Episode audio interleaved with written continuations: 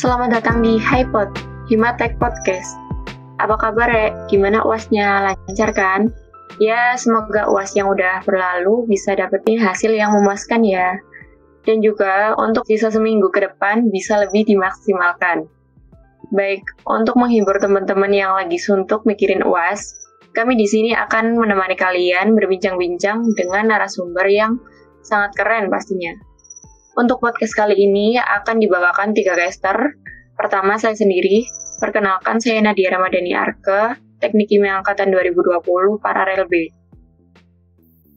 Halo, aku Laili Amareta dari Teknik Kimia Angkatan 2020 Paralel C. Oke, malam guys. Perkenalkan nama saya Torik Amir dari Angkatan 16 Paralel D. Di episode kedua ini, kita bakalan bahas tentang Himatek itu sendiri dan seluk-beluknya bersama kahima kita, yaitu Mas Irza. Apa kabar, Mas? Alhamdulillah baik, luar biasa. Masnya kayaknya lagi good mood gitu ya, udah sempro. Selamat ya, Mas, udah bisa memulai risetnya. Ya, Alhamdulillah, makasih. Oke, sebelum kita bahas tentang Himatek itu sendiri, kita juga harus kenal terlebih dahulu dengan ketua himpunannya, ya kan?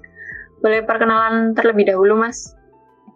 Uh, perkenalkan, nama saya Muhammad Rizal Fizal. Saya dari Angkatan 2018, sama angkatannya seperti Mas Torik, tapi saya dari Parace. Alhamdulillahnya tahun ini saya diamanai sebagai Ketua Himpunan Mahasiswa Teknik Kimia periode 2020-2021. Oke, langsung ke pertanyaan pertama nih. Boleh diceritain dong mas, awal join di Himatek ini menjabat sebagai apa? Karena nggak mungkin dong ya tiba-tiba langsung jadi kahima. Iya sih, pastinya. Jadi eh, di tahun pertama ketika saya masuk di teknik kimia UPN ya, tahun pertama saya daftar eh, di himpunan itu menjadi PLM pada legislatif mahasiswa di periode 2019-2020 itu di zaman kaimanya Mas Reno Desastra dari angkatan 17 terus setelah satu tahun di PLM kemudian di tahun kedua saya diamanai menjadi ketua departemen pengembangan sumber daya mahasiswa periode 2019-2020 itu di zaman kaimanya Mas Harisul Ulum. Itu juga dari angkatan 2017 dan di tahun ketiga ini ketika saya menjabat tahun ini ya menjabat jadi ketua himpunan mahasiswa teknik kimia alhamdulillahnya. Nah, setelah uh, dua tahun nih, udah hmm. masuk ke Himatek, apa sih yang bikin Mas Irza termotivasi untuk mencalonkan diri sebagai kahima? Uh, motivasi kenapa saya mencalonkan diri menjadi kahima uh, saya ini sebenarnya orangnya uh, suka tentang tantangan ya jadi saya menganggap menjadi seorang kahima itu menjadi tantangan baru bagi saya dan motivasi terbesar pasti inginlah mengabdikan diri ke Himatek. Karena ya kebetulan saya di angkatan 2018 ini di tahun terakhir saya berkesempatan untuk uh, berkontribusi lah jadi di Himatek. Jadi saya ingin memaksimalkan apa sih yang bisa saya berikan di tahun terakhir saya menjadi keluarga Himatek ini ya saya mengabdikan diri saya menjadi ketua himpunan dan juga men-challenge diri saya sendiri untuk ya pastinya memimpin uh, teman-teman Himatek di tahun ini menjadi lebih baik. Setelah terpilih nih jadi kahima, hmm? apa sih yang Mas Irza rasain? Senangkah, bangga atau gimana nih Mas? Uh, pasti yang pertama senang, kemudian bangga itu juga pasti. Uh, karena apa? Di sini saya merasa ini suatu kehormatan bagi saya, kehormatan bagi saya diamanai menjadi ketua di periode ini.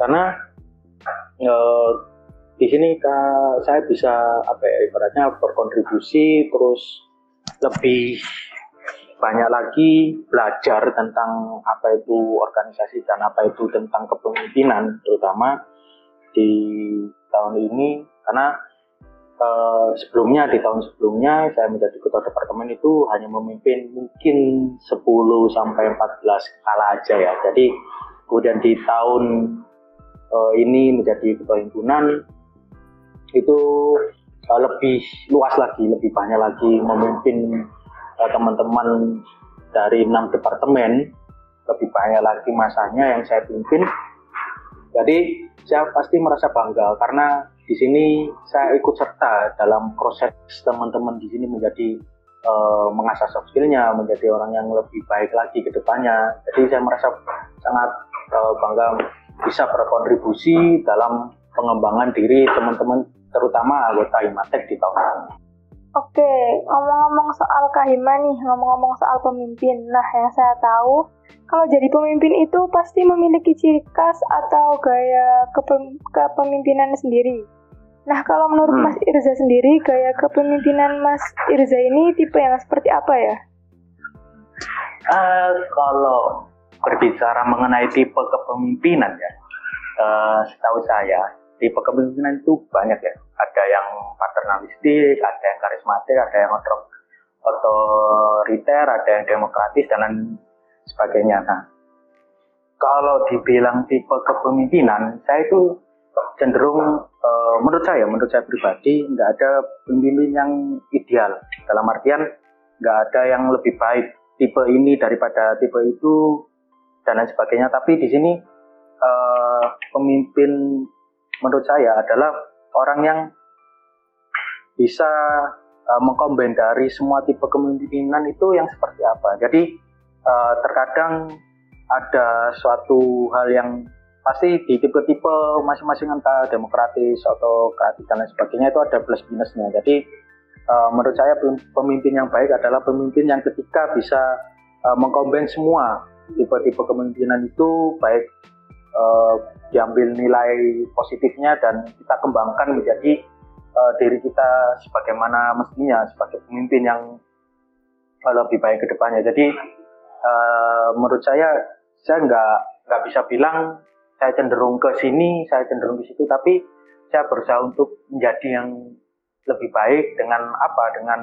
banyak tipe kepemimpinan itu saya ambil, saya kombin lah semuanya jadi uh, agar dapat nantinya saya memimpin Bimatek ini ke depannya pasti lebih baik lagi kayak gitu. Uh, jadi kayak kepemimpinannya Mas Irza ini mm -hmm. dari semua tipe-tipe ya Mas? Nah, apakah Mas Irza ini memiliki prinsip atau pedoman dalam memimpin kayak misalkan nih ya, ya. Pak Wisnu Utama dengan jargonnya zero mistake atau Pak uh Presiden kita Jokowi yang jargonnya kerja kerja kerja. Nah, apakah Mas Irza ini punya jargon atau pedoman sendiri? Jargon atau pedoman ya. Uh, kalau dari Pak Jokowi tentang kerja kerja kerjanya, Pak Wisnu Tama tentang zero mistake. Kalau saya sih uh, lebih mengedepankan tentang apa itu respect.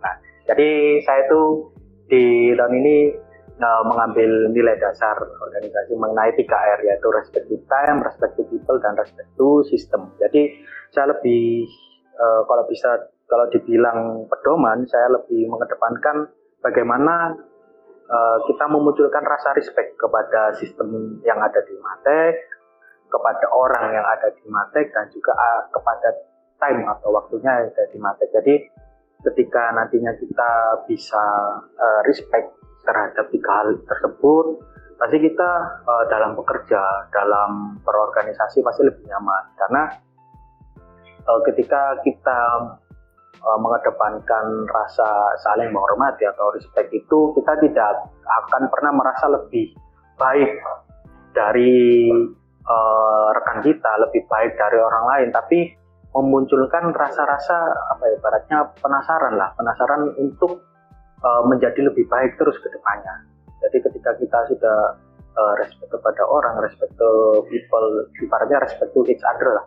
Nah nanti uh, ke depannya kita bisa mengedepankan rasa itu untuk dalam bekerja. Kita bisa menghormati teman kita dalam bekerja atau rekan kerja kita. Kita bisa menghormati sistem kita dalam bekerja. Dan kita bisa menghormati waktunya uh, kita dalam bekerja. Jadi orang yang di dalam sistem itu uh, menghormati waktu yang ada di sistem itu dan sistem itu sendiri kita hormati. Jadi uh, pembagian kapan kita waktunya untuk organisasi, kapan kita waktunya untuk uh, untuk diri sendiri. Nah, itu saling menghormati dan uh, tidak menjadi saling tumpang tindih lah. Jadi tadi barusan ngomongin mengenai respect, respect, respect. 3R, ah, 3R dari 3R. Nah, tadi kan juga sempat nyinggung Himatek juga. Nah, dari Mas Irza sendiri, sendiri ini Himatek itu apa sih Mas? Dari sudut pandangnya Mas Irza? Himatek sendiri dari sudut pandang saya, uh, Himatek mungkin secara harfiah itu adalah wadah bagi mahasiswa kimia untuk mengembangkan soft skillnya masing-masing ya untuk mencari ilmu dan sebagainya. Tapi kalau dari saya pribadi menganggap Himatek ini menjadi uh, sebuah rumah saya. Kenapa saya bilang seperti itu? Karena dari awal saya masuk uh, teknik kimia saya sudah langsung disambut dengan para pengurus Himatek dan dibantu uh, ya kalau dulu saya uh, sempat dibantu perihal uh, eh, UKT sih dulu. Jadi uh, dari situlah saya merasa uh, di sinilah munculnya rasa kekeluargaan di Himatek. Kayak gitu. Jadi ketika saya merasa disambut dengan baik, di treatment dengan baik, saya e, merasa nyaman dan saya muncul rasa ingin berkontribusi. Ibaratnya e, saling apa ya timbal balik lah, hubungan timbal balik. Jadi apa yang bisa saya berikan ke Himatek, sebagaimana Himatek memberikan itu kepada saya. Jadi kenapa saya nyebut itu menjadi rumah, jadi rumah saya untuk uh, belajar, rumah saya untuk pulang dan rumah saya untuk bisa berkembang lagi menjadi pribadi yang lebih baik. Oke, jadi hmm. jadikan Imantek sebagai rumahnya. Nah, di Imantek hmm. sendiri itu struktur organisasinya itu seperti apa sih, Mas Firza? Bisa dijelaskan sedikit nggak?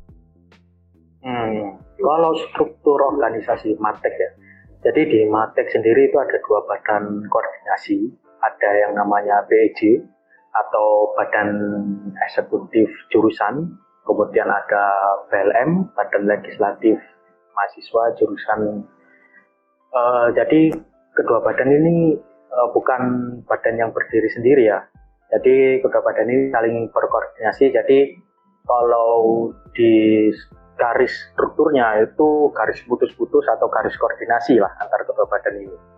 Nah, untuk di PLM sendiri, eh, ya alhamdulillahnya saya juga pernah merasakan di PLM dan juga pernah merasakan di PEJ. Jadi untuk di PLM sendiri, itu untuk struktur organisasinya yang pertama paling atas pasti ada ketua PLM ya.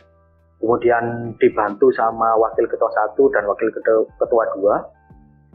Kalau wakil ketua satu itu mengurusi tentang administratif atau bisa kita sering sebut sama sekretaris lah bagian kesekretariatan. Kemudian di wakil ketua dua itu mengenai tentang keuangan atau bendahara lah itu kemudian di bawahnya lagi ada komisi-komisi ada empat komisi.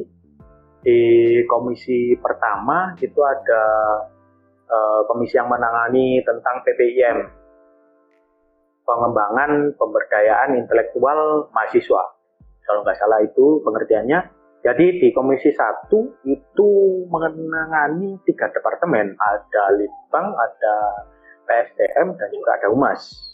Jadi kalau teman-teman Humas di sini ini masuk ke Komisi 1 sebagai uh, Komisi Pengembangan Pemberdayaan Intelektual Mahasiswa. Kemudian di Komisi 2 ada uh, seni olahraga, Kemudian di Komisi 3 ada dana dan usaha, itu menangani tentang kewirausahaan, Departemen Kewirausahaan kalau di DEC. Kemudian di Komisi 4 itu ada atau Kesma. Jadi ada Departemen HAM di Komisi 4 kayak gitu. Terus di BEJ pasti ada ketua BEJ, saya sendiri sekarang yang menjabat. Kemudian ada sekretaris, sekretaris umum ya. Kemudian ada bendara umum. Nah nanti sekretaris umum dari BEJ ini itu berkoordinasinya langsung ke wakil ketua satu yang tadi saya sebutkan. Kemudian di wakil ketua dua itu yang tadi mengenai bendara di BEJ ada bendara umum yang langsung berkoordinasi sama wakil ketua dua. Kemudian di tahun saya itu ada enam departemen. Ada PSDM pengembangan sumber daya mahasiswa kemudian ada Litbang pendidikan pengembangan dan juga ada UMAS. Kemudian ada KWU kewirausahaan ada seni olahraga dan juga ada HAL nah tadi untuk garis koordinasinya per komisi tadi sudah saya jelaskan mengenai strukturnya. Uh, mungkin itu saja sih sedikit yang bisa saya jelaskan mengenai strukturnya. Oke oke, jadi tadi udah jelasin sama Mas ada PLM, ada PPJ, jadi dari sini teman-teman bisa tahu gitu loh, maksudnya PLM ini fungsinya apa, legislatif itu fungsinya apa, PEJ sebagai eksekutif itu fungsinya apa, jadi nggak oh ternyata saya baru tahu himpunan itu ini, Himatek seperti ini. Jadi yang belum tahu nih dikasih tahu apa itu struktur organisasi dari Mas Idra itu sendiri. Uh, boleh nambahin dikit nggak? Boleh boleh, silakan. Oke okay, oke. Okay.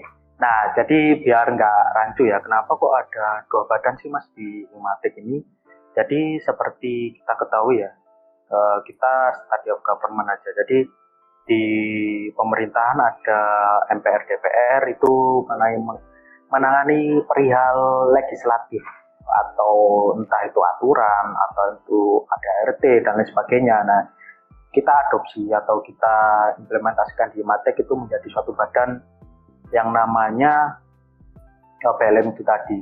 Nah, e, kalau di pemerintahan itu ada yang eksekutif, e, pasti lulus SMP semua kan ini ya, lulus SMP. E, pas di SMP itu diajari tentang ada badan eksekutif itu mengenai pemerintahan kemudian yudikatif dan legislatif. Kayak gitu. Jadi eh, di kita implementasikan di bagian eksekutifnya itu yaitu BEJ itu tadi badan eksekutif jurusan yang eh, lebih banyak kalau proker-proker itu ada di BEJ jadi yang mengeksekusi prokernya yang uh, mengojek brokernya itu ada di BC sebagai eksekutif, sebagai eksekutor. Kemudian sebagai legislatornya atau legislatifnya itu BC mengena, mena, eh sorry di PLM menangani perihal uh, aturan-aturan dasar, aturan uh, rumah tangga yang ada di mate itu larinya ke PLM. Jadi biar gak rancu, kenapa ada dua badan? Jadi ada yang uh, lebih fokus ke aturan sebagai legislator dan ada yang lebih ke eksekutor atau eksekutifnya itu yang mengeksekusi tentang proker-proker yang ada di Matek itu di BC kayak gitu. Oke, jadi diperjelas lagi sama Mas Irza apa fungsi dari PLN sendiri, apa fungsi dari PEJ itu sendiri. Nah, dari tadi kan kita ngomongin masalah uh, hubungan antara hiburan sama mahasiswanya. Nah, sekarang seberapa penting sih himpunan itu dalam lingkup jurusan itu Mas Reza? Uh, himpunan seberapa penting di lingkup jurusan ya pasti penting banget lah. Kenapa? Hmm. Karena saya bilang gitu uh, sebagai tangan uh, tangan panjang lah. Maksudnya kok tangan panjang? Uh, Perpanjangan tangan. ya kepanjangan tangan. Sorry sorry uh, nyolong lah okay. naik tangan panjang. okay. Kepanjangan tangan dari pihak struktural di jurusan. Jadi kalau ya di perihal akademik ya, masalah akademis itu tentang pengajaran dan lain sebagainya itu ada di struktural di jurusan. Kemudian untuk pengembangan soft skillnya itu kita himpun di Himatek ini. Nah, kenapa tadi saya di awal ya, di awal tadi saya sebut Himatek ini sebagai wadah pengembangan soft skill bagi mahasiswa teknik kimia. Nah, di situlah peranan kita peranan kita sebagai himpunan yang menghimpun orang-orang yang ada di, di teknik kimia bukan hanya pengurus ya bukan hanya pengurus tapi kita juga menghimpun seluruhnya semuanya semua elemen yang ada di uh, teknik kimia jurusan teknik kimia terutama mahasiswanya. Jadi uh, seberapa penting pasti penting. Karena itu tadi kita di sini sebagai wadah sebagai wadah uh, pengembangan soft skill dan juga kepanjangan tangan dari pihak struktural untuk lebih uh, mengembangkan lagi mahasiswa-mahasiswa teknik kimia dalam bidang uh, soft skill ataupun akademiknya mungkin kita bisa lebih tingkatkan lagi dengan kita menghimpun di himpunan teknik kimia. Oke oke. Nah sekarang uh, saya dari saya dari saya pribadi ingin uh, lebih kenal lagi dengan himpunan atau himatek dari Mas Ida sendiri. Hmm? Biasanya ini kan kabinet-kabinet ini kan ada namanya. Nah dari Mas Ida sendiri, nama kabinet Mas Ida ini apa sih? Uh, nama kabinet tahun ini itu arah pembaruan. Uh, kenapa saya ambil nama mengenai arah pembaruan? Jadi kita beda satu-satu ya, kita telah satu-satu mengenai pertama tentang arah. Nah, kenapa saya ambil arah? Di sini maksud uh, atau artinya dari arah itu adalah tujuan atau maksud dari berdirinya organisasi itu seperti apa. Kayak gitu. Kemudian uh, pembaruan. Kenapa saya ambil pembaruan? Di sini uh, kita sebagai organisasi, sebagai organisasi itu bukan organisasi yang berjalan secara statis, tapi melainkan berjalannya secara dinamis. Jadi uh, selayaknya sistem, selayaknya sistem pasti perlu adanya pembaruan-pembaruan seperti ya kita bisa analogikan sistem Android lah kayak gitu. Jadi di setiap ya, pengembangan zaman itu pasti membutuhkan pembaruan-pembaruan yang secara kontinu. Jadi tadi saya sempat singgung mengapa organisasi ini bukan sebagai organisasi statis tapi dinamis. Jadi di dalamnya, di dalam organisasi itu kita uh, melakukan semua lah, semua elemen kita melakukan pembaruan, entah itu pembaruan mengenai proker, pembaruan tentang uh, kinerjanya dan lain sebagainya. Agar apa? Agar kita bisa lebih uh, memaksimalkan lagi potensi-potensi yang ada di mahasiswa jurusan teknik kimia ini dan juga tidak lupa tentang arahnya kita sebagai organisasi itu tujuan atau maksud organisasinya seperti apa. Jadi ada pedoman dasar dan ada pengembangannya kayak gitu. Baik, uh, jadi uh, ya. dari arah baru tadi kan gimana elemen-elemen semua itu dibarui mulai dari worker, staff, dan sebagainya dan tidak lupa untuk tujuannya sudah tercapai. Nah, dari sini kita tahu bahwasannya semenarik itu kok ikut bulan apalagi matik. Nah, buat bapak-bapak nanti dari Mas Iza sendiri ini, kalau ada maba sendiri, syarat apa sih yang diperlukan untuk masuk himpunan ini di matik? Sampai uh, syarat syarat untuk menjadi anggota Matek eh, untuk menjadi pengurus Matek ya syarat yang paling utama pasti yang pertama harus menjadi kader Himatek. Nah, jadi kan eh, selama rangkaian oh sorry, jadi selama menjadi mahasiswa baru ya, maba itu kan ada namanya serangkaian pekaderan. Nah, tujuannya itu untuk menjadikan mahasiswa baru ini menjadi kadernya Himatek. Jadi syarat paling pertama atau syarat, syarat utamanya itu menjadi kader Himatek dulu. Kemudian untuk syarat-syarat khususnya itu nantinya tergantung sama kahima wakahima di periode tersebut. Mau nanti syarat khususnya uh, misal di umas ini nanti harus mempunyai skill mengedit atau dan sebagainya. Itu tergantung sama kahima dan wakahima di periode tersebut. Tapi syarat paling utamanya itu menjadi kader himatek dulu. Itu kalau dari saya. Oke, jadi dari, dari Mas Ida sudah jelasin nih apa syarat tadi di kader dulu. Nah, jadi bagi mahasiswa baru bisa itu catat apa syarat menjadi himpunan. Nah, uh, dan dari teman-teman sendiri ini udah buka Q&A box di Instagram. Sudah ada banyak pertanyaan masuk. Nah, sebelumnya saya tanya nih sudah siap belum untuk Nah. pertanyaan dari teman-teman keluarga sendiri Oh, menarik ini. Pertanyaan dari warga biasanya unpredictable. oke unpredictable baik Ya, siap-siap. oke pertanyaan Hmm. pertama pertanyaannya masih dasar nih standar Nah, motivasi sampean aktif organisasi itu apa mas gitu katanya wow. Standar banget ya ini. motivasi. Eh, tadi sempat di awal kita sudah bahas ya mengenai motivasi kenapa menjadi kaima. Sebenarnya sama sih. Eh, kalau alasan klasik kenapa ikut organisasi pasti pertama ya itu menambah relasi, kemudian menambah soft skill. Kalau anak zaman sekarang itu mengisi waktu luang atau mengisi waktu gabutnya kayak gitu. Eh, kalau dari saya kenapa ikut organisasi dan pentingnya ikut organisasi eh, di organisasi sendiri tuh banyak hal yang bisa kalian dapatkan lah mengenai entah itu soft skill kalian bisa kalian kembangkan atau kadang eh, kepribadian kalian lah kepribadian kalian itu bisa eh, ibaratnya berubah di ketika kalian memasuki organisasi. Jadi kalau eh, for your information aja nih, saya dulu tuh orangnya sedikit introvert, Nah, sedikit introvert. Jadi eh, saya itu dulu cenderung cuek, eh, cenderung cuek tentang sosial lah, baik itu lingkungan saya dan lain sebagainya. Terus public speaking saya dulu juga masih ah, sangat kurang banget. Bahkan sampai sekarang juga saya menilai public speaking saya nggak gitu bagus-bagus amat sih. Nah, dari situlah kenapa pentingnya organisasi. Di situ kalian eh, melatih diri kalian untuk menjadi yang lebih baik lah. Versi eh, diri kalian yang versi lebih baiknya. Nah, jadi di situ dan juga nantinya pasti menambah relasi itu pasti.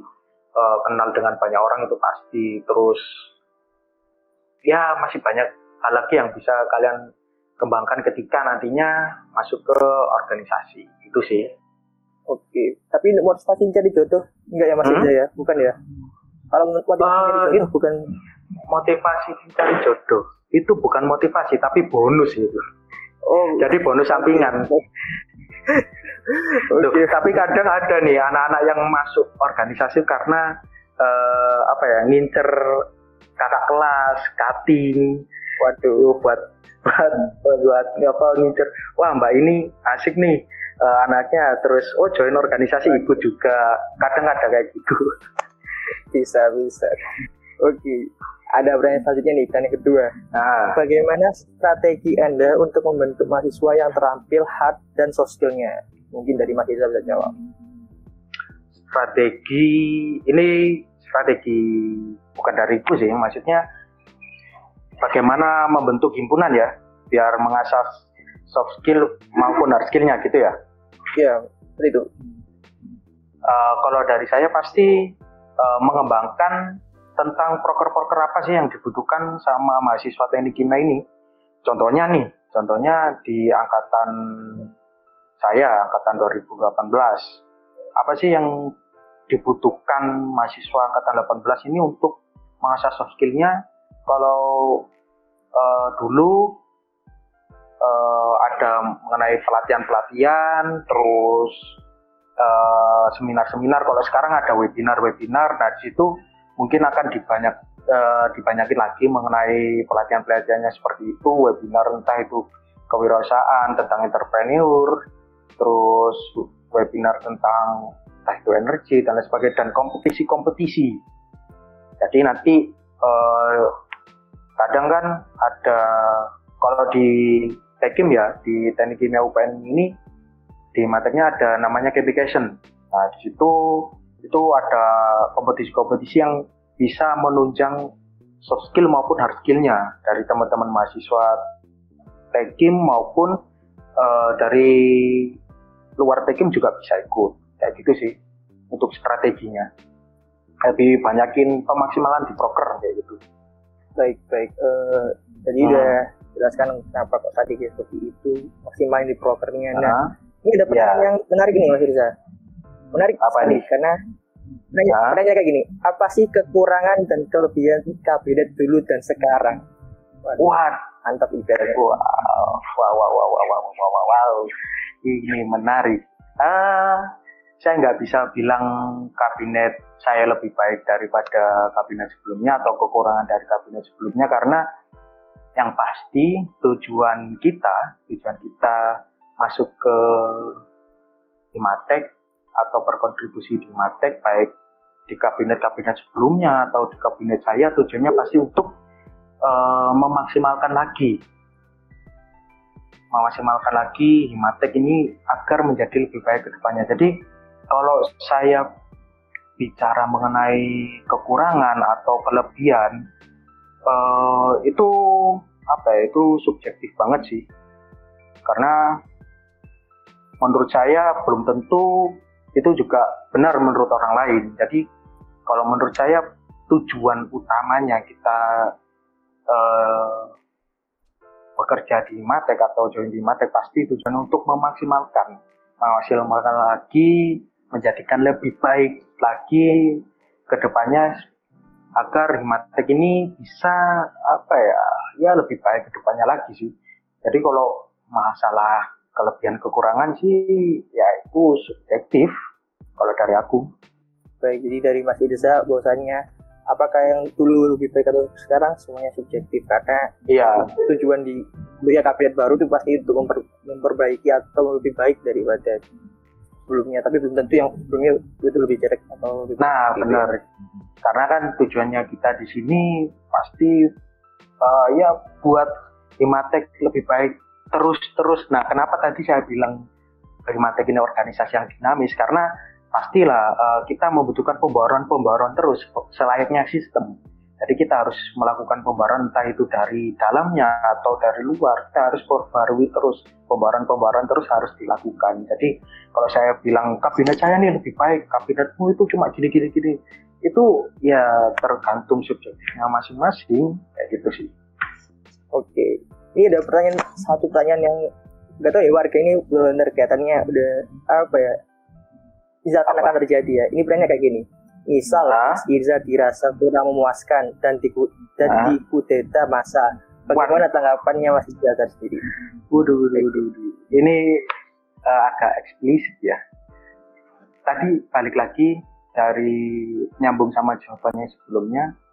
Ya tujuan saya di sini, tujuan saya pribadi, pastilah uh, ingin memajukan imatik ini ya menjadikannya lebih baik lah dengan pembaruan-pembaruan yang akan terus uh, kami maksimalkan lagi. Kalau dirasa kurang memuaskan dan apakah siap untuk dikudeta oleh masa, wah ini uh, ibarat buah si malakama ini. Uh, ibaratnya ini uh, film Warkop DKI maju kena mundur kena ini kalau saya jawab ini. Ya apa ini? Iya. Iya.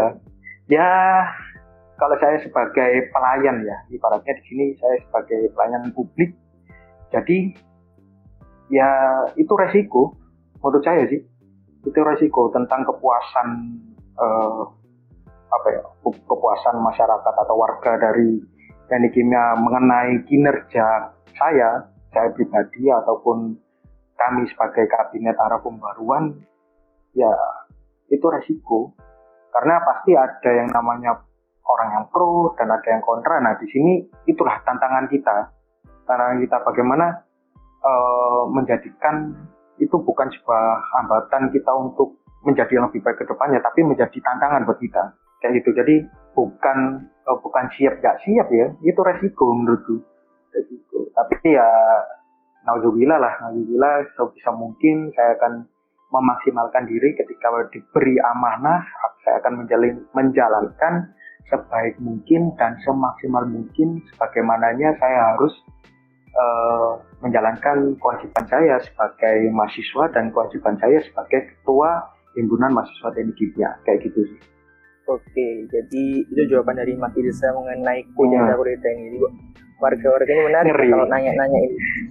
Mengerikan juga kalau warga yang menarik. Jadi oke, mungkin itu ya dari teman-teman dari Q&A yang udah uh -huh. masuk dari di Matek mungkin ada pesan terakhir nih dari Mas Irza buat teman-teman yang mungkin apalagi ada mas mahasiswa baru nih. Hmm. Apa sih pentingnya dan mungkin harus ikut bergabung di Himatek seperti itu?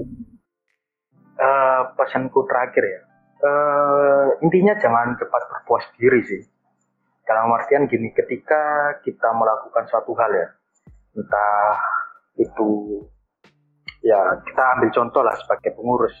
Ketika kita sudah melakukan suatu broker, kemudian broker itu sudah selesai, nah jangan hanya puas karena broker itu sudah terlaksana.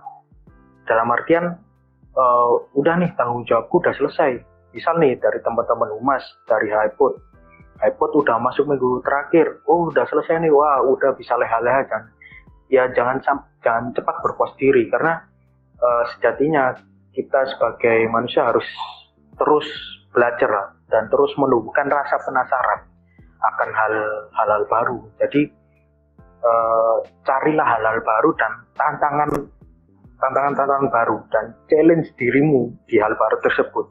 Jadi ketika kalian menghadapi suatu persoalan, suatu permasalahan entah itu di uh, perkuliahan ataupun kalian sebagai pengurus ataupun uh, di kehidupan masing-masing, jangan uh, menghindar dari permasalahan, tapi terjun ke permasalahan tersebut dan selesaikan. Selesaikan kemudian kalian evaluasi jangan cepat berpuas diri. Intinya kayak gitu. Terus untuk teman-teman mahasiswa baru uh, saya ucapkan selamat datang di keluarga Himatek mungkin yang mendengarkan iPod di episode 2 ini saya ucapkan selamat datang dan uh, saya tunggu kontribusinya nanti di Himatek dan organisasi menurut saya itu sangat penting untuk menunjang uh, kalian dalam bersosial, kemudian dalam mengasah skill dan lain sebagainya lah. Banyak hal yang bisa kalian dapatkan di organisasi seperti itu. Oke, jadi jangan cepat berpuas diri, jangan hindari masalah, terjun ke masalahnya, ikut menjadi solusinya. Ya, Jadi uh, itu dari jawaban dari Mas Irza dan pesannya. Intinya makasih buat Mas Irza yang udah menyediakan waktunya untuk ngobrol bareng kami, Nadia dan Laili Oke, di siap, sama-sama. Episode 2 ini Semoga kuliahnya lancar dan Himatek menjadi seperti yang masih diharapkan. Amin. Oke, itulah tadi podcast bersama Kahima kita yang pastinya menarik untuk disimak. Jangan lupa buat follow akun Instagram, YouTube, dan Spotify-nya Himatek ya, karena HiPod bakalan di-share di tiga platform tersebut. Baik, sampai di sini HiPod episode 2. Nantikan HiPod episode selanjutnya setiap dua minggu sekali di hari Sabtu. See you!